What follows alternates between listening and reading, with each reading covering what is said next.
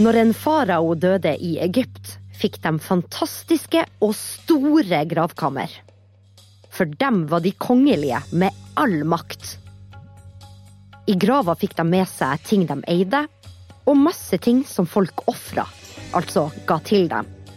Gullskatter som du ikke kan tenke deg. Altså hundrevis av kilo med gull. De tingene skulle faraoene ha med seg inn i underverden, der de skulle leve videre i evig tid. I år er det 100 år siden Tutankhamons grav ble funnet igjen. Han blir også kalt Barnekongen, og grava var proppfull av skatter. Og en helt spesiell dolk, altså en slags kniv. Du hører på Forklart junior. Jeg heter Ragnhild Thelise Christoffersen, og i dag skal vi finne ut hvem denne berømte Tutankhamon egentlig var. Og hva var noe så spesielt med den dolken?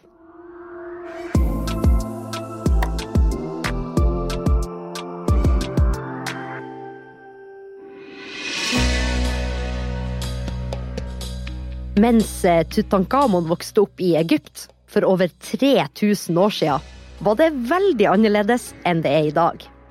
Det gamle Egypt var et jordbrukssamfunn, så man levde av å dyrke jorda. Eh, Man levde langs med den store elven Nilen, som renner gjennom ørkenen i Nord-Egypt.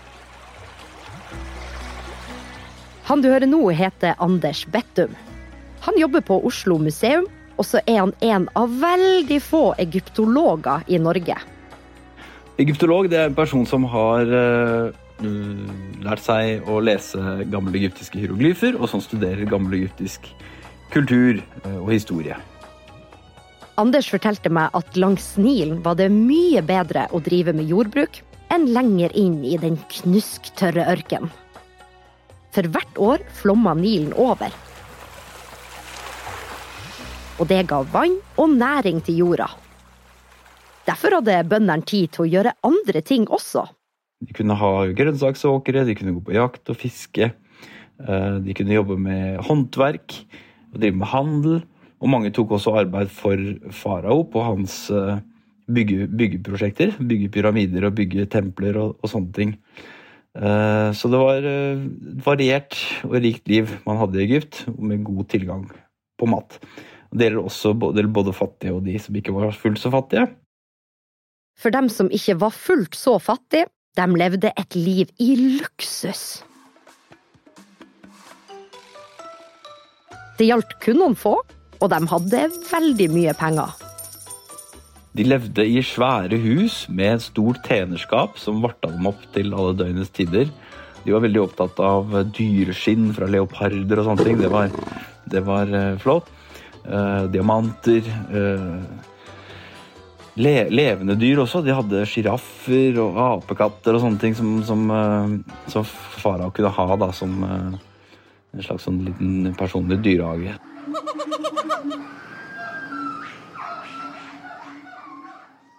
Det var ikke så stor forskjell på menn og damer som andre plasser på samme tid. Mannen var sjef og var den som snakka med folk utenfor huset og tok avgjørelser på vegne av familien. Men damen kunne eie sin egen eiendom og ha sine egne penger uten å trenge noe mann. Og det var dem som styrte alt i huset. For bare noen hundre år siden i Norge kunne ikke damer eie sånt på egen hånd. De var helt avhengig av en mann. Men ikke i Egypt, nei. De trodde også på mange forskjellige guder. Jeg har sikkert sett disse egyptiske gudene som ofte kan ha sånn hundehode og falkehode. og De er veldig stilige. Hvordan barnekongen Tutankhamon var da han var liten, vet vi egentlig veldig lite om. Men det vi vet, er at han ble farao veldig tidlig. Og på et ganske spesielt tidspunkt. Farao det er jo navnet på den egyptiske kongen.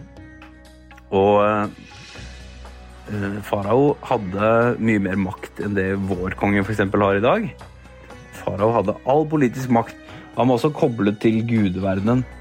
Eh, Så man tenkte at farao var på en måte både menneske og, og gud på en gang. Så, så derfor så måtte man gjøre som han sa. Absolutt alt. Og faren til Tutankhamon bestemte noe som gjorde han upopulær. Faren til Tutankhamon han het Akhenaten. Han hadde masse nye ideer om hvordan samfunnet skulle organiseres. Og det han er mest kjent for, er at han ville ikke ha alle disse gudene som egypterne tilba. Plutselig bestemte han at fra nå av skal vi kun ha én gud, og vi skal også ha en helt ny hovedstad uten alle de andre gamle templene. Og Her ble også Tutankhamon født, og bodde i sin barndom inntil han selv ble konge. Folk levde ikke så lenge på denne tida.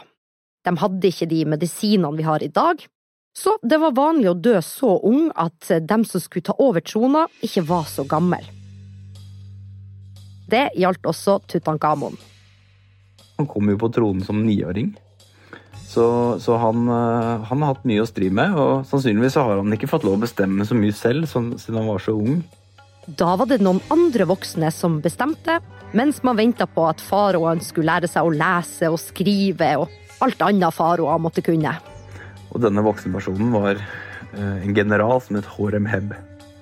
Horemheb skal ikke ha vært så glad i alle påfunnene til faren til Tutankhamon. Og når han døde, så gikk, eh, så gikk alle hans ideer i søppelkassa og man gjeninnførte troen på de gamle gudene. Tutankhamon ble da flytta til den gamle hovedstaden i Egypt, og der ble han helt til han døde. Bare 18 år gammel. Det finnes en del malerier av Tutankhamon. Han lener seg ofte på en stokk, så det kan tyde på at han kanskje hadde en eller annen skade eller sånn i perioder. Uh, han er ikke spesielt kraftig, han er en ganske sånn tynn og litt sånn puslete gutt. Forskere har også funnet ut at han gifta seg med halvsøstera si, som høres veldig rart ut.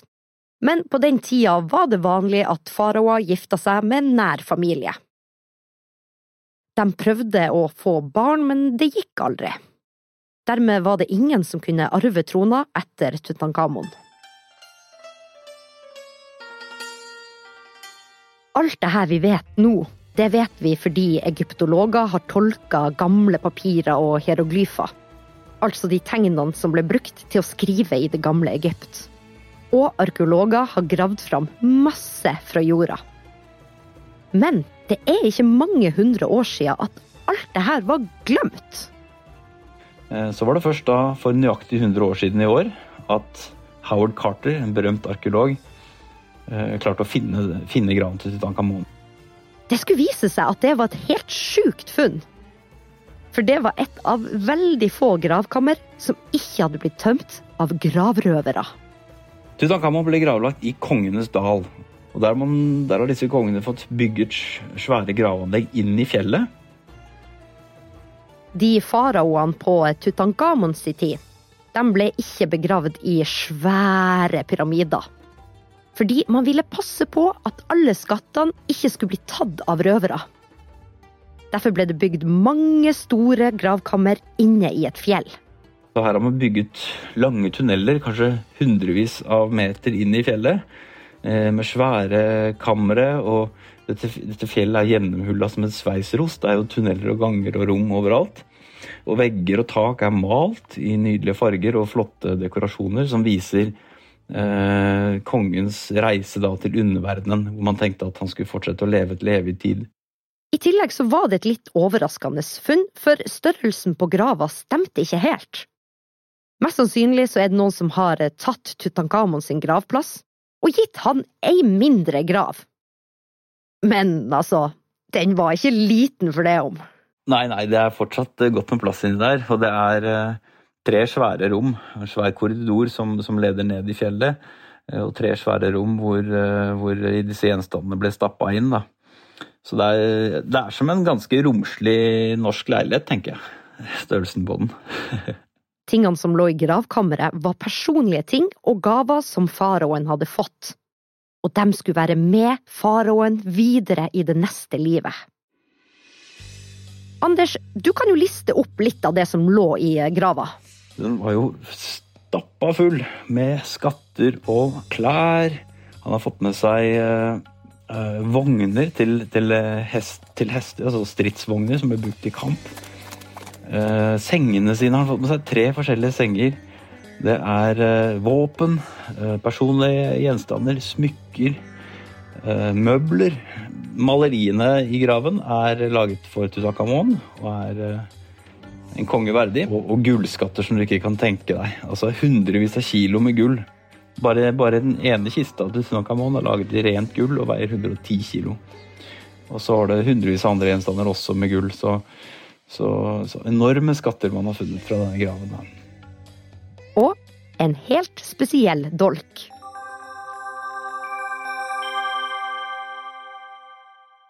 Det er mange dolker som er funnet i graven. Eh, noen i gull, og noen har vært sånn pyntegjenstander. Sånn. Men så er det særlig én som skiller seg ut fordi eh, bladet på dolken er laget av jern. Jernalderen, som den tida het, hvor man begynte å smi jern og bruke det til eksempel våpen, den starta ikke før et par hundre år seinere. Og Egypt enda, enda senere enn det, for de var ganske sene med å ta i bruk jern og begynne å smi jern. Eh, så det var bronse det gikk i på den tiden her, og da er det jo litt underlig å finne en jerndolk. Uh, og så blir det enda underligere når man har studert metall og finner ut at dette er meteorisk jern. Altså, altså jern som stammer fra et meteornedslag. Meteorer er en flygende stein som suser ned fra verdensrommet, og som iblant kan treffe jorda. Og Egypterne har tydeligvis visst om hvor dette mm, metallet kom fra, for de kaller det for biat en pet, som betyr metall fra himmelen. Forskerne tror vel at dette kanskje har vært en gave fra utenlandske forbindelser, og kanskje antagelig fra Mitanni, som var et, eh, et mektig eh, nabo, naboland, som ligger i det området som i dag utgjør Tyrkia og Syria i Midtøsten. Forskerne tror at det som har havna i grava, er en gave som bestefaren til Tutankhamon fikk fra det mektige nabolandet. Men helt sikker er vi jo ikke. Så hvordan jerndolken har havna i familiens eie, det kan jo hende at vi en dag finner 100% helt sikkert ut av. For det er tross alt 3000 år med ting som skal graves opp og undersøkes. Lag på lag under bakken. Eh, og det å grave opp alt dette, det kommer til å ta enda flere par hundre år til, det tenker jeg. Så, så vi har masse, masse å gjøre fortsatt. I forrige episode hadde vi en påskequiz, og løsningsordene var bamse og påske. Det visste Sofia, Sebastian, Hugo og Knut, og dere får ei Forklart junior-T-skjorte i posten. Er det noe du har lyst til å lære mer om, send det gjerne til meg på en e-post. Min e-postadresse er rtk.alfakrøllaftenposten.no, og fortell meg hva du vil lære mer om.